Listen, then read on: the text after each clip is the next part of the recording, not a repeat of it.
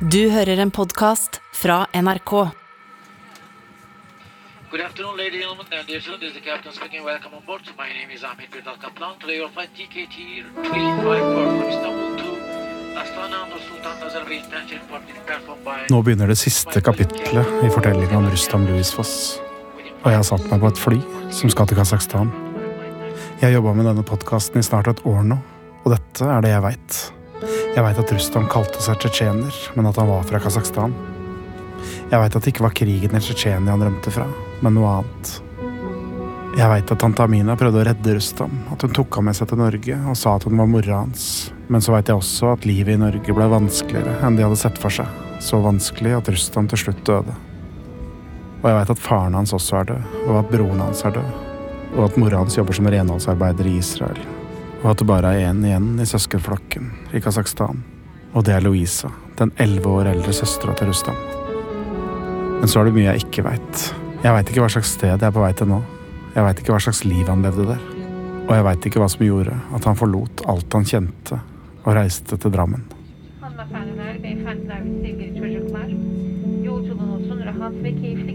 Dette er siste del av podkasten Mannen i Thereses gate. Jeg heter Joakim Førsund.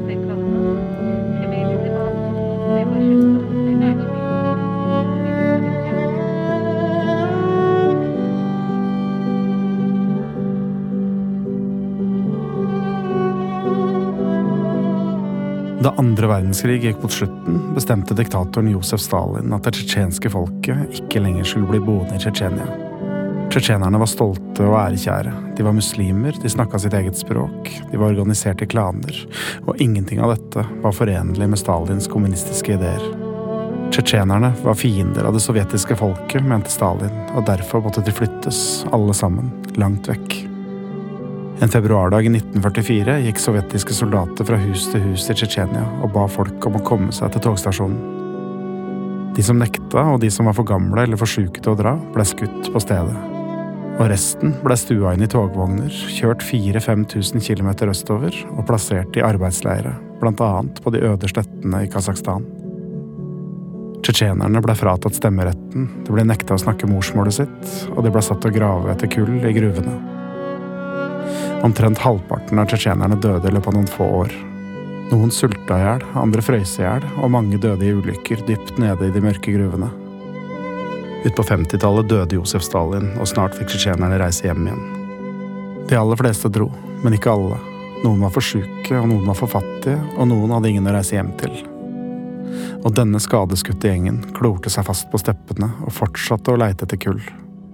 Og nå, 80 år seinere, er det 30 000 av dem. Og selv om de er født i Kasakhstan, nesten alle sammen, så kaller de seg fortsatt tsjetsjenere. Er det den bussen? Ага, это... Нет, ну ладно. оставь. Около 88. Нет, первый, первый. Hvor langt er det å kjøre nå? А, это сколько? Два с половиной часа, да? М, То en halvtime. Ok. Jeg satt meg bak i en taxi sammen med tolken Natalia og tanta til Rustam, Amina. Det er midt på natta, og det er mørkt overalt. Vi har flydd fra Istanbul og hit til Kasakhstan, og nå har vi lagt hovedstaden Nord-Sultan bak oss og er på vei sørøstover. Det er flatt på alle kanter, helt flatt. Ingen trær, ingen hus, ingen biler, ingen svinger på veien. Nord for oss ligger Russland, i øst ligger Mongolia, og rett sør Kirgisistan. Og foran oss lysner det litt. Horisonten blir oransje, svarte fabrikkpiper strekker seg mot himmelen, og snart er det biler på veiene, det er lyd fra moskeene, og det er løshunder og folk på fortauene. Det er gruvebyen Karaganda som er i ferd med å våkne. Det var her Rustam Hasanovic Dadajev vokste opp, og det var herfra han rømte. Bilen kjører gjennom en bjørkeallé og stopper foran et stort, moderne hotell i betong og stål. Det står dyre, nyvaska biler på parkeringsplassen, og utafor inngangen står en klynge forretningsmenn med store klokker og smale dresser og røyker.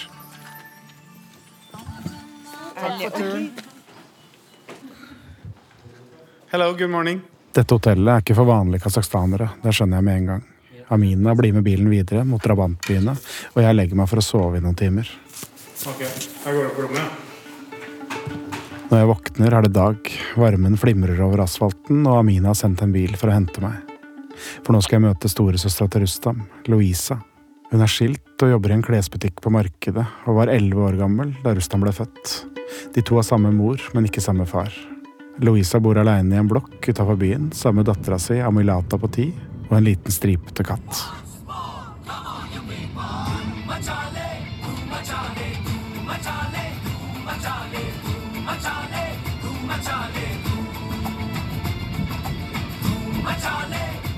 Vi kjører gjennom Karaganda. Sentrum er ganske lite. Et par gater med butikker, et hotell, en georgisk restaurant og en togstasjon.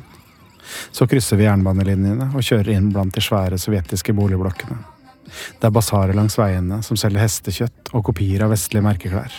Det er verksteder i bølgeblikk, støvete bussholdeplasser og små hauger med bilvrak og revna gummihjul. Dette er gatene fra Rustams barndom. Blokka han vokste opp i, er revet, men søstera Louisa bor i en som er nesten lik. Bygningen foran oss er avlang og fem etasjer høy.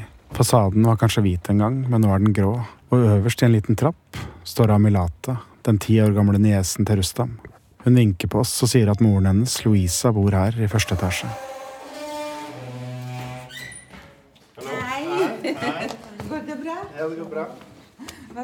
Men inne er det Amina som tar meg imot. Hun har laget tsjetsjensk mat og iste med mynte, og det ser ut som hun føler seg hjemme i den lille leiligheten. Inne i det åpne kjøkkenet står Louisa i svart og hvit, fots i kjole. Hun ser på meg og nikker rolig. Øynene hennes er store og mørke, hun snakker lavt med Amina om maten og hvordan vi skal sitte, og så kommer datteren hennes, Amilata, og viser meg lekene sine. En liten bløt enhjørning, en rosa hai og laminerte tegninger av mat som hun har laga på skolen. Og så går vi inn i et lite soverom med hvite vegger og oransje gardiner for å snakke om Rustam. Vi setter oss ved et kvadratisk plastbord, Amina, Louisa, tolken Natalia og jeg. Og mens jeg fomler med mikrofoner og ledninger, så kjenner jeg det granskende blikket hennes.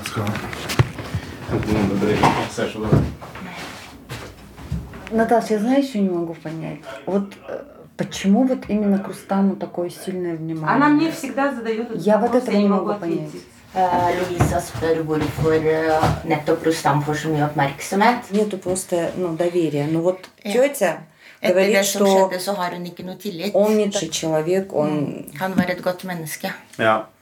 Jeg tenkte jeg skulle forklare det litt. At um, um, da det skjedde, så var det liksom både det veldig brutale som skjedde eh, i Louisa har levd hele livet i et diktatur, uten ytringsfrihet og uten pressefrihet. Og det faller seg ikke naturlig for henne å stole på en fremmed journalist. Og ikke veit hun så mye om Norge heller, utover at politiet der har skutt og drept broren hennes.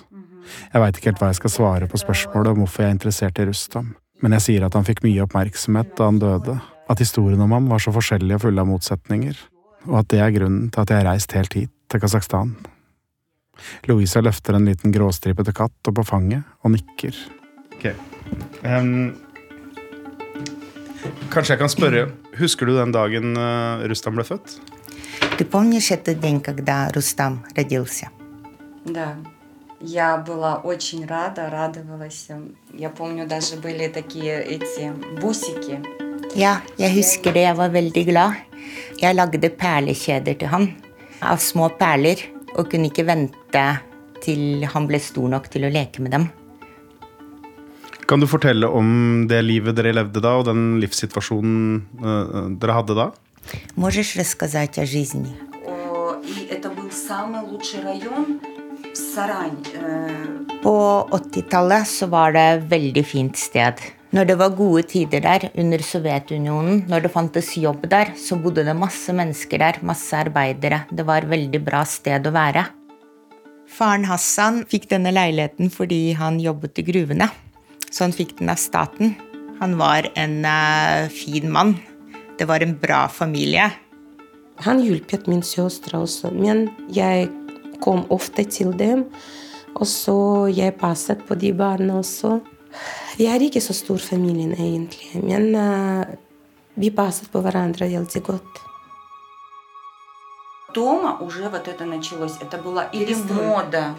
Перестройка, да, наверное. Men så kom 90-tallet med perestrojkaen. Fra at alt var veldig stabilt, med at folk fikk faste lønninger. Så gikk det over til å bli kaotisk. Veldig mange mistet jobb. Развелось рэкет, ган. Um, det utviklet seg mye kriminalitet med gangstere. Veldig mange ble alkoholikere og narkomane. Eh, og bydelen begynte å forfalle. Du vet sånn som det er på filmer, at det er noen områder som er dårlige områder. Sånn døde byer som folk flytter fra. Vi levde sånn. Hele kvartalet vårt det besto av liksom narkomane og alkoholikere som bodde som hjemløse uten arbeid. Og de hadde ikke penger og stjal metall og ledninger, og de stjal fra fabrikkene for å skaffe penger til å kjøpe doser. Forestill deg et kjempestort hus hvor nesten alle har flyttet ut ifra. Og det er bare tre-fire familier igjen som øh, bor der. En, st en stor boligblokk? Многоэтажка, да, пятиэтажка. Вот как вот эта вот пятиэтажка. Femetasjes blokk, sånn som den her. Bare noen få mennesker i et sånn stort, forlatt blokk. Det virker ikke som perestrojka, altså Sovjetunionens overgang til markedsøkonomi, slo noe særlig gunstig ut her på begynnelsen av 90-tallet. For overgangen var brå. Bedrifter som gikk i minus, slutta å betale ut lønninger. Fabrikker gikk konkurs. Og da trengte de ikke kull til maskinene lenger, og gruvene i Karaganda måtte stenge, de også. Sosialhjelp forsvant, og politiet blei korrupt. Dette er samfunnet Rustam blei født inn i. Han går på skolen, og han springer fra blokk til blokk med vennene sine, og så begynner han å bryte. Han vinner turnering etter turnering. Av og til har han små pengepremier med seg hjem, og en gang et servise. Men rundt ham rakner samfunnet. Gruvene stenger, fedrene har ikke jobb, kriminelle tar kontroll over gatene, de selger sprit og heroin til folk som ikke har noe å fylle livene sine med, og dem blir det flere og flere av. Det var veldig tungt. Oppvarminga ble skrudd av. Altså kan du tenke deg de vintrene vi har her. Hos oss så kan du bli opptil minus 40 grader. Ah, Jeg husker at når de slo av strømmen og lyset, da gikk folk ut i bakgården og fyrte opp gassbeholdere som de varma mat på, og vi spiste ute. Vi sov med vinterklærne og skoene på fordi det var så grusomt kaldt. Воду мы все время, у нас во дворе стояла колонка, ее ну, сделали скважину. Vi måtte hele tida bære vannet fra bakgården, for vi hadde ikke noe vann. Og jeg husker at Rostam, stakkar, han måtte dra og bære på dette vannet til oss. которые они его настолько любили, вот им этот хлеб не нужен был. Но они брали, потому что это так мило было. Вот он ходил, предлагал хлеб. Fordi vi bodde tre-fire familier i den store blokka, så kom det en brødbil som solgte brød. Rostam kjøpte opp brødet, og så videresolgte han brødet til resten av beboerne. Og de elsket han for det. De ville ikke ha brød, men de kjøpte han fordi det var så utrolig søtt når han gikk rundt med de brødene og solgte dem. Aldri han øh, klaget at han var snill. At han var skikkelig, skikkelig høflig. Han var, vet du hva, alle, han var skikkelig, øh, alle kameratene hans og venner hans var skikkelig glad i ham. Kan du fortelle, hvordan var deres relasjon? Как ваши отношения были? Он когда вот ходил в школу, он домой приходил и сразу «Где Луиза? Где Луиза?» Eh, Vi hadde et veldig nært forhold. Han var alltid, når han eh, kom hjem fra skolen, så sa han 'Louisa, Louisa'. Han var litt sånn blubben, så jeg bet han alltid i kinnet.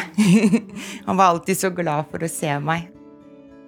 Han satt veldig mye hjemme.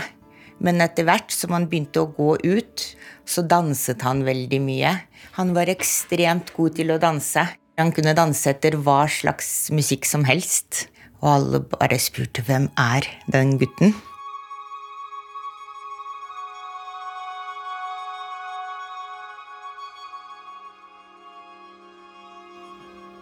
Det er mulig at fortvilelsen fikk faren til å teste narkotika, det vet jeg ikke. Eh, men etterpå ble han mer og mer hekta, og det var det. Huset var alltid fullt av farens venner. Den situasjonen var helt forferdelig for barna. Hans far var som en far for meg. Han var et fantastisk menneske, men når han var påvirket av eh, rusen, så var han helt forferdelig. Det var til og med slike stunder hvor han eh, banket opp eh, dem veldig hardt. Det er derfor jeg ikke orker å prate om det. Det siver et alvor inn i det lille rommet. Louisa ser ned, og det gjør Amina også. De vil ikke snakke mer om faren til Rustam. Han var vanskelig å være i hus med, og derfor ble ungene flytta litt rundt. Louisa bodde hos tante Amina i perioder, og så bodde hun hos besteforeldrene sine. Og så tok Amina med seg Rustam til slektninger i Tsjetsjenia. Først én gang sammen med storebroren Shahman, og så en gang aleine. Det virker på Louisa som om tante Amina var den som holdt familien på beina. Den som forhindra katastrofe. I 1997 døde faren til Rustam. Men han døde ikke- han døde ikke i krigen i Tsjetsjenia? Nei, nei, nei. Det var, ikke, det var bare mannen min Ja. som døde av krigen. Han var eh, såret i, på høyre side, og han ble begravd i Tsjetsjenia. Rustam har sagt, eller eh, jeg har lest at han så at faren hans døde. Uh, I den natten uh, ringer søstera eh, gråter veldig og sier uh, Hassan er død. Kanskje han var eh, ved siden av han eh, fordi eh, han var med søsteren min i denne tiden. Kanskje det er sant at han holdt han på hånda. Jeg tror. Rustam snakka ofte til vennene sine i Norge om faren hans som døde. Historiene var ikke alltid like, og kanskje blanda han dem etter hvert også. På den ene sida historien om onkelen som ble drept av russiske styrker da Rustam var seks år gammel under den første av Tsjetsjenia-krigene. Og på den andre historien om faren som døde hjemme i Kasakhstan etter mange års heroinavhengighet, da Rustam var ni. De to dødsfallene gjorde uansett at tante Amina ble viktigere og viktigere for Rustams familie i Karaganda, og med henne kom musikken inn i den store tomme blokka der de bodde. Når jeg var liten, så spilte Amina på et trekkspill. Og hun kjøpte et bitte lite trekkspill til meg, som jeg også kunne spille på А- Аккордеон или как назвать. А пианино я, это моя вот прям Jeg har alltid vært veldig knytta til pianoet. Vi hadde et piano hjemme. Jeg bare elsket det. Når Amina satt og spilte, så sto jeg ved siden av og så på hvordan fingrene beveget seg for å lære meg. Og akkurat slik jeg sto og så på Amina når jeg var liten, sto Rustam ved siden av meg og fulgte med på hvordan jeg spilte. Og håndbevegelsene mine. Det fins en melodi eh, som jeg har lært han, eh, som har blitt tatt opp. Den klarer jeg nesten ikke å høre. Kan vi høre den? Может, можно мы послушаем эту мелодию? У тебя есть, не? Это какая? Птичка певчая? Ha- Har hun den på en telefon eller på У en тебя она есть или... Телефон? Louisa løfter katten ned på gulvet, reiser seg og henter en telefon. Så spiller hun et opptak av melodien du har hørt flere ganger nå.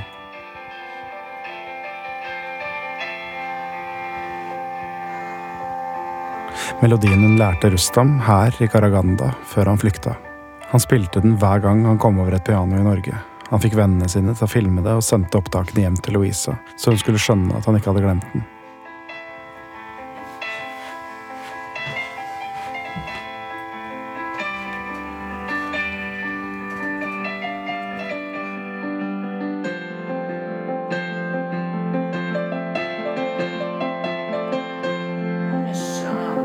есть видео где-то, но это сло... у нас компьютер сломался, это надо будет найти, где он Han sendte til og med en sånn video hvor han sa hvor han spilte den melodien, så sa han 'Husker du, Louisa, du lærte meg Dette er den?' Jeg har bare- ikke glemt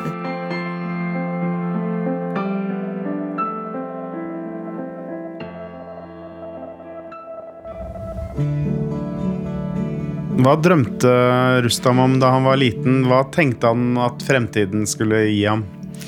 Ты помнишь, о чем Рустам Я уеду в чужую страну, я буду знаменит.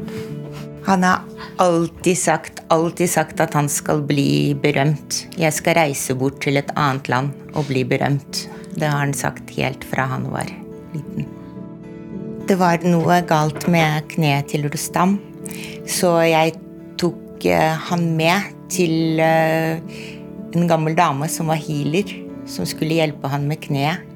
Og når vi kom dit, så sa hun du kommer til å bli noe stort.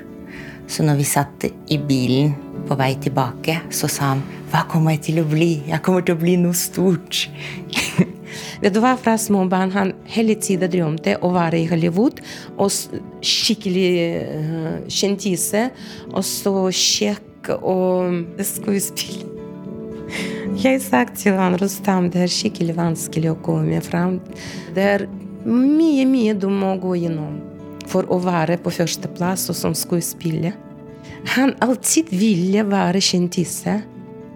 At hele verden skal kjenne han. Ja. Var han veldig annerledes enn andre gutter? Мне просто кажется, э, что персональностью. Отличался тем, что он был слишком добрый, naivnej. Han skilte seg ut med at han var veldig snill, men han var også veldig naiv. Han var ekstremt naiv. Så eh, sa jeg til han du må være litt forsiktig med mennesker. Hva slags mennesker du velger å omgås med. Men uh, han sa alltid det er gode mennesker. Jeg har ikke noe vondt å si om dem. Og den type naivitet hadde han fra han var veldig, veldig liten. Hvordan fikk du vite at uh, det var planer om at uh, Rustam, Rustam og Amina skulle reise til Norge? Eller til Europa? Как ты узнала, что Рустам и Амина поедут в Европу? Ехать в Мы уже Европу? вместе жили. Я это знала. Amina skulle egentlig dra alene, men de bestemte det to uker i forveien. Mm, En dag jeg kom og jeg sa at jeg forbereder meg å dra til Europa. Og så vi satt en kveld, og Rustam bare ser på meg. På, han vil ikke at jeg skal dra. Så han, da jeg spurte han Rustam hvis du vil, du kan være med meg. Og han var sk skikkelig glad. Han ser på søsteren min, og søstera bare smiler. og men han bestemte med en gang at han kommer med meg. Hva tenkte du om de planene? Jeg tenkte at det ville være best. Det var jo sånn Når jeg kom på besøk dit, så så jeg hva slags uh, omgivelser de levde i. Og jeg unnet dem jo ikke det. Sjahman hadde alt begynt med dop, og vi var redde for at Rostam skulle havne i samme situasjonen da. Broren til Lamina sa alltid at hvis, hvis Rustam fortsetter å være der, så kommer du til å bli narkoman. Jeg husker det som om det var i dag. Vi alle klemte hverandre. Jeg spurte Rustam vil du virkelig dra, og han sa ja. Det var to mannfolk som uh, flyttet oss fra Kasakhstan med buss. Etterpå, fra Tyskland, det var en mann som kjøpte billetter på båten. Og vi med den båt kom til Norge. Når vi kom, vi gikk forbi politi, og så jeg sier hvorfor de holder ikke oss. Ingen stanset oss. Det var ikke to lykkejegere som gikk der langs Hjortneskaia i Oslo på vei mot Grønland for å melde seg for utlendingspolitiet. Det var ei tante som prøvde å redde nevøen sin. Faren til gutten var død etter mange år på heroin. Broren hadde staka ut den samme kursen. Søstera var låst i et ekteskap det var umulig å komme seg ut av. Og nå var det bare én igjen som kunne reddes. Den lille gutten med de store drømmene. Den godtroende 13-åringen Rustam. Kan, kan, kan du fortelle hva han fortalte deg om eh, hans møte med Norge? Можешь рассказать о его встрече с Норвегией? И ты попадаешь в облака. Ну, это как-то по-детски он это рассказывал. Han fortalte her er det slike fjell at det, når du går opp, så kommer du helt opp til himmelen. Han fortalte om eh, elvene i Norge, at vannet var så utrolig rent. For vi har jo så skittent vann i elvene. Fortalte han deg at han hadde kommet inn på Teaterhøgskolen? Его впустили в театральную школу. Мгм. Это да, он рассказывал. Ja, han fortalte om det. Han var veldig begeistra og glad. Han sendte ofte bilder og prøvetagninger og fra studiene. Da. Han snakket veldig mye om Nicolas og Jan. Jeg blander til og med Nicolas og Jan. Fordi han pratet så mye om mm.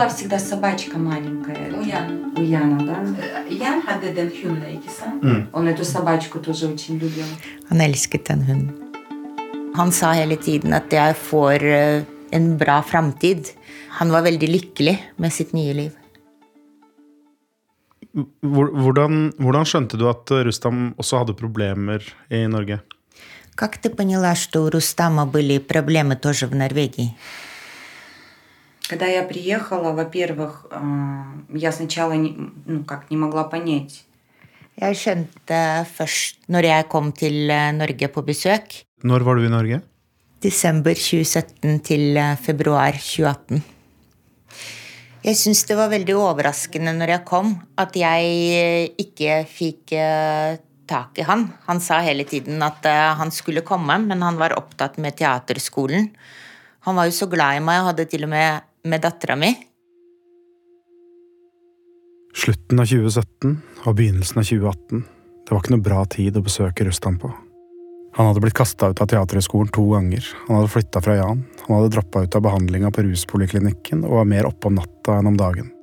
Louisa visste ikke noe om dette, hun hadde brukt alle pengene hun hadde på flybilletter, og nå satt hun og den lille dattera hennes i leiligheten til Amina i Drammen og venta på at Rustam skulle gjøre unna alt arbeidet sitt i Oslo. Han sa hele tida 'jeg er opptatt, jeg er på skolen, jeg er opptatt, jeg er på skolen'. Hva gjorde du da? Jeg bare ventet til han kom, eh, to uker senere, og så kjørte han oss til seg. Når jeg kom dit, så skjønte jeg at det var noe som var galt. Plutselig så forsvant han. Jeg satt og venta kjempelenge. Han kom først lenge etter at vi hadde sovna, og da måtte han gå igjen med en gang. Og han forklarte det hele med at eh, det var Han skulle lære seg replikker sammen med en venn. Trodde du på det? Он, он таким, ну как Jeg сказать, skjønte at eh, noe var i veien. Han tok ikke engang farvel. Det er jo veldig rart når vi har en sånn kontakt at vi elsker hverandre, at han på en måte brydde seg så lite. Jeg skjønte at det skjedde et eller annet med han.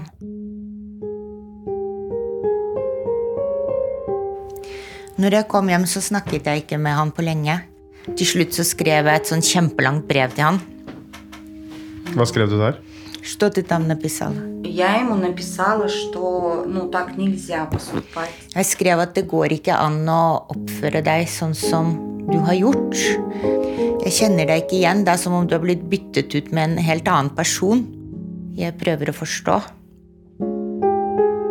Den vinteren i januar 2019 døde broren til Rustam og Louisa, Shahman, av en leversykdom etter mange år som heroinavhengig. Og da ble Louisa enda mer bekymra for den yngste broren sin i Norge. Louisa ringte og ringte til Rustam hver eneste uke, men enten tok han ikke telefonen, eller så hadde han ikke tid til å snakke med henne. Og Amina kunne ikke hjelpe henne, hun heller, for hun visste nesten ingenting om livet Rustam levde. Men så løp han ut på eventyrbrua, og Amina ringte Louisa og sa at Rustam var innlagt på psykiatrisk sykehus, sikta for drapsforsøk. Når jeg fikk vite det, så var jeg helt i sjokk. Jeg vet ikke engang hvordan jeg skal beskrive hvordan jeg følte meg. Snakket du med han etter det? Ja, jeg prata med han eh, etter at han blei tilgjengelig igjen. Fra fengselet? I Sturmø. Mm -hmm. Jeg spurte hele tida hvordan kunne du gjøre dette, hva er det som foregikk i hodet ditt? Uh, han sa han hallusinerte. Det er som om noen tok kontroll over meg, inni meg, uh, uten at jeg ville det selv. Jeg skjønte når jeg pratet med han, at han hadde blitt seg selv igjen. At han byttet fra å være en Rustam jeg ikke kjente, til å bli seg selv igjen. Han sa at da alt kom til å bli bra, at han skulle på skolen igjen, og alt ville bli bra igjen. Når var den siste gangen du snakket med han? Когда было последний раз ты с ним разговаривал? Ну, до смерти за дня два где-то. Он болел как раз, у него температура была. To dager før han døde. Han var syk. Jeg kunne høre at han var tett i halsen. Hva snakket dere om da, når dere snakket sammen? Jeg sa at han måtte be, han måtte ikke stikke seg ut. Han måtte gjøre alt det riktige. Han var sikkert veldig lei av alle formaningene mine. Jeg sa du er jo vår eneste. Du er den eneste som er igjen hos oss. Mm. Dette var den søndagen da Rustam var forkjøla. Da han og Lisa var ute og spiste lunsj, og han grei seg i nakken og spurte Lisa om hun ikke kunne lese høyt for Koranen for ham, fordi han trodde at en demon hadde tatt bolig i kroppen hans. Og så ble det mandag, og Rustam forlot Gaustad sjukehus for å overnatte i sin egen leilighet. Og så ble det tirsdag, den 9. november. Når Aminata ringte meg, så skrek hun 'Han ble drept! Han ble drept!' Jeg spurte hvem, hvem er det som ble drept, men underbevisst så visste jeg at det var Rustam. Eh, Hvordan var det å få han hjem hit? Как чувствовалось его домой сюда привезти после его смерти? Это было, да, мой день рождения. Похороны были на мой день рождения у него. Begravelsen fant jo sted på bursdagen min. Vi ville begrave han fra moskeen, men vi måtte gjøre det hjemmefra pga. koronarestriksjoner. Så han lå hjemme her først. Her? В этой комнате? Да, он лежал здесь. вот. Ja, i dette rommet. Он Här был vi sitter. очень красивый. Han var veldig vakker. Han var pakket så utrolig pent inn. Når jeg dør, vil jeg også bli pakket inn på samme måte.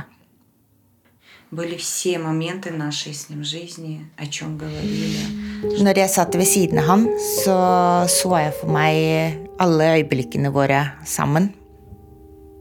Og jeg begynte å formane ham igjen om at han skulle oppføre seg bra. Jeg sa til han, vi sa jo til deg mange ganger at du ikke skulle gjøre dette.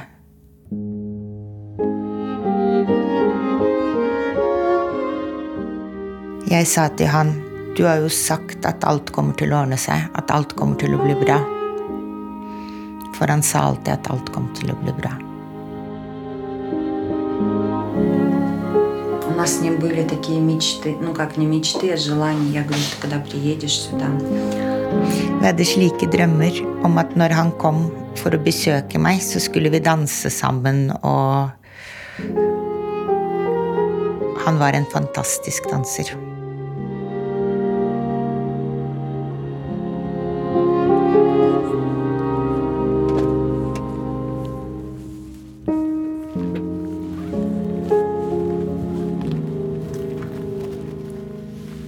Står på ei slette utafor Karaganda et sted. Amina, Louisa, Amilata og jeg. Himmelen er stålgrå og endeløs. Det er mye kaldere i dag. Temperaturen skifter brått her. Vi står og ser på en liten gravplass, tilsynelatende tilfeldig plassert, 100 meter fra veien. Louisa åpner en rusten jernport, og like innafor det lave gjerdet stopper de tre kvinnene. Én fra hver generasjon, for å be en bønn for mennene i livene deres, som ligger her i den tørre, rustrøde jorda. Amina begynner å gå, sakte blant gravstøttene. Louisa går bak henne og forklarer lavt hvor guttene ligger. De stopper ved Shahmans grav først.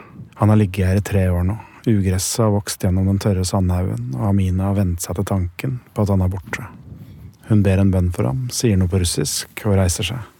Så går hun noen langsomme skritt til, og så stopper hun igjen. Foran henne ligger en nyere haug med sand, og ved enden en firkanta stein uten navn. Amina kneler, hun legger hendene mot sanda.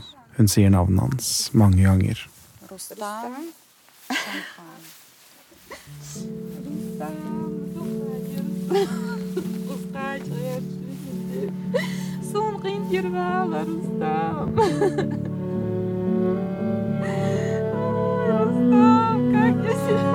Rustam, nevøen som var som en sønn for henne. Gutten hun prøvde å redde to ganger. Først da hun tok ham med seg herfra, fra Kasakhstan, da Rustam var 13. Og så den dagen i april i fjor, da det sto klart for henne at Rustams liv i Norge var ute av kontroll, og hun ba politiet om å sende ham tilbake dit han kom fra. Men Rustam, han lot seg ikke redde. Amina greide det ikke. Ingen av vennene hans eller familiene hans i Norge greide det. Og vi, Norge, vi greide det ikke, vi heller. Vi tok ham inn på sjukehuset og på legevakta og på rusklinikker og psykiatriske institusjoner, men vi slukka bare de små brannene. Vi slapp han ut igjen, lot han ruse seg, lot han legge seg aleine, med demoner inni seg og rundt seg. Han så skyggene deres, han hørte dem hviske, og da sprang han. Da tok Rustam med seg en kniv og sprang. Ut av huset han bodde i, gjennom byen, over Eventyrbrua, nedover Thereses gate, helt til han ikke sprang lenger. Rustam Louis Foss kom seg aldri til Hollywood. Han endte her sammen med broren sin på ei slette utafor Karaganda i Kasakhstan. Louisa bøyer seg ned og legger armen rundt tante Amina. Hun løfter henne forsiktig, de går sakte ut blant gravstøttene. Louisa finner handa til dattera si, Amilata, og så går de tre mot bilen. Og så kjører vi. Bak oss blir gravplassen mindre og mindre, og så forsvinner den. Amina, Louisa og Amilata stirrer taust ut gjennom hvert sitt vindu, og alt de ser, er de endeløse kasakhstanske slettene. Og her slutter historien om Rustam Louis Foss.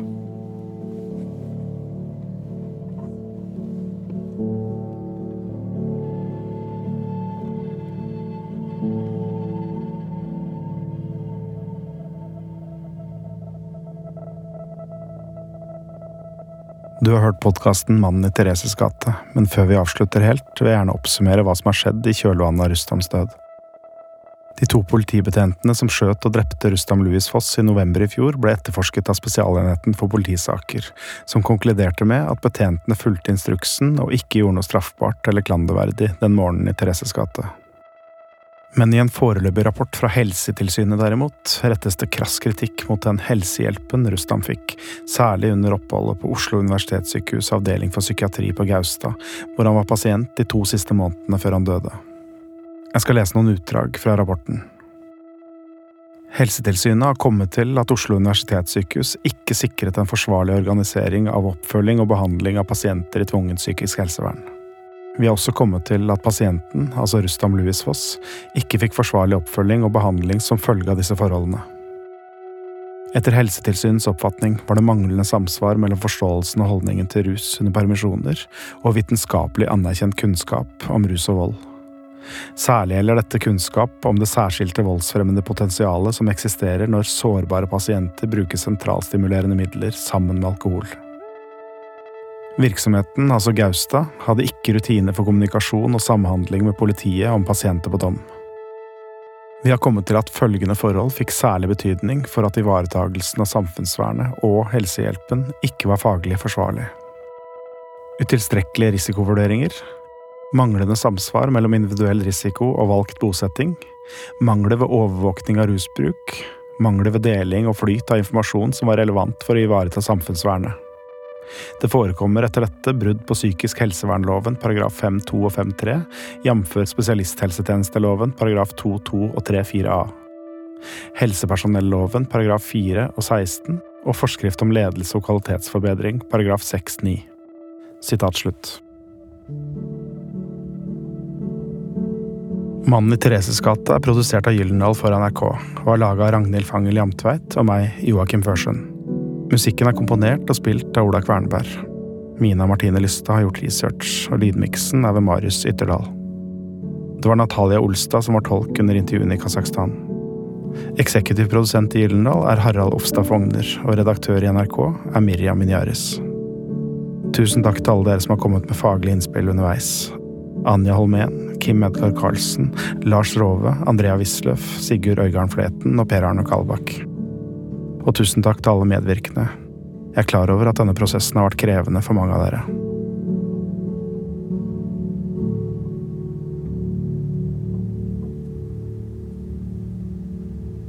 Oslo universitetssykehus sikkerhetsavdeling på Gaustad har mottatt rapporten fra Helsetilsynet.